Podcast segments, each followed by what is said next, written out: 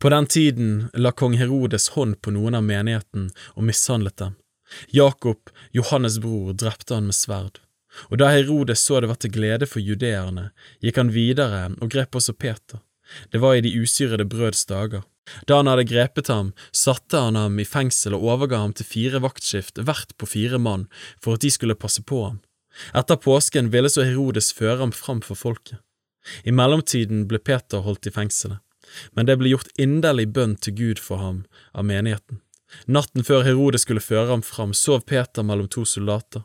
Han var bundet med to lenker, og det sto vaktmenn utenfor dørene og voktet fengselet.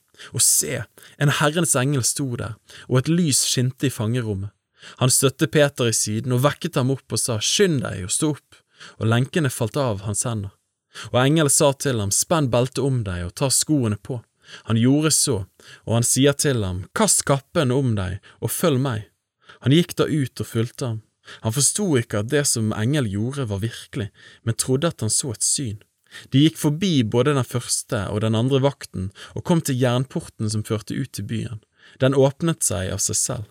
De gikk ut og fortsatte en gate til endes, og plutselig forsvant engel for ham.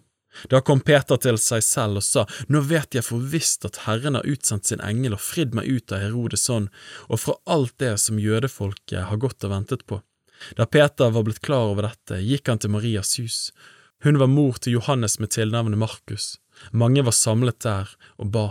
Han banket på døren til portrommet, og en pike ved navn Rode kom ut for å høre etter. Da hun kjente igjen Peters stemme, glemte hun av bare glede å åpne døren, men sprang inn og fortalte at Peter sto utenfor. De sa til henne, Du er fra sans og samling, men hun forsikret at det var slik. Da sa de, Det er hans engel. Imens fortsatte Peter å banke på, og da de åpnet og fikk se ham, ble de ute av seg selv av undring.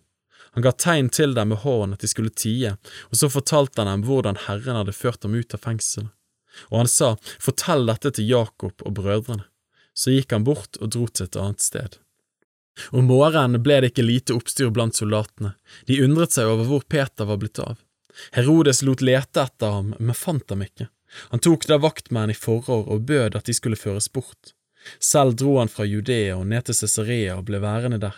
Han var meget forbitret på folket i Tyrus og Sidon, men de ble enige om å tre fram for ham. Da de hadde fått Blastus, kongens kammerherre, på sin side, ba de om fred fordi landet deres fikk sine forsyninger fra kongens land. På en fastsatt dag kledde så Herode seg i kongelig skrud. Han satte seg på sin trone og holdt en tale til dem. Folkemengden ropte, Dette er Guds røst, ikke et menneskes. Straks slo en Herrens engel ham fordi han ikke ga Gud æren. Han ble fortært av ormer og døde. Men Guds ord hadde fremgang og bredte seg stadig videre ut. Og Barnabas og Saulus vendte tilbake fra Jerusalem etter at de hadde fullført sin tjeneste. De tok med seg Johannes med tilnavnet Markus.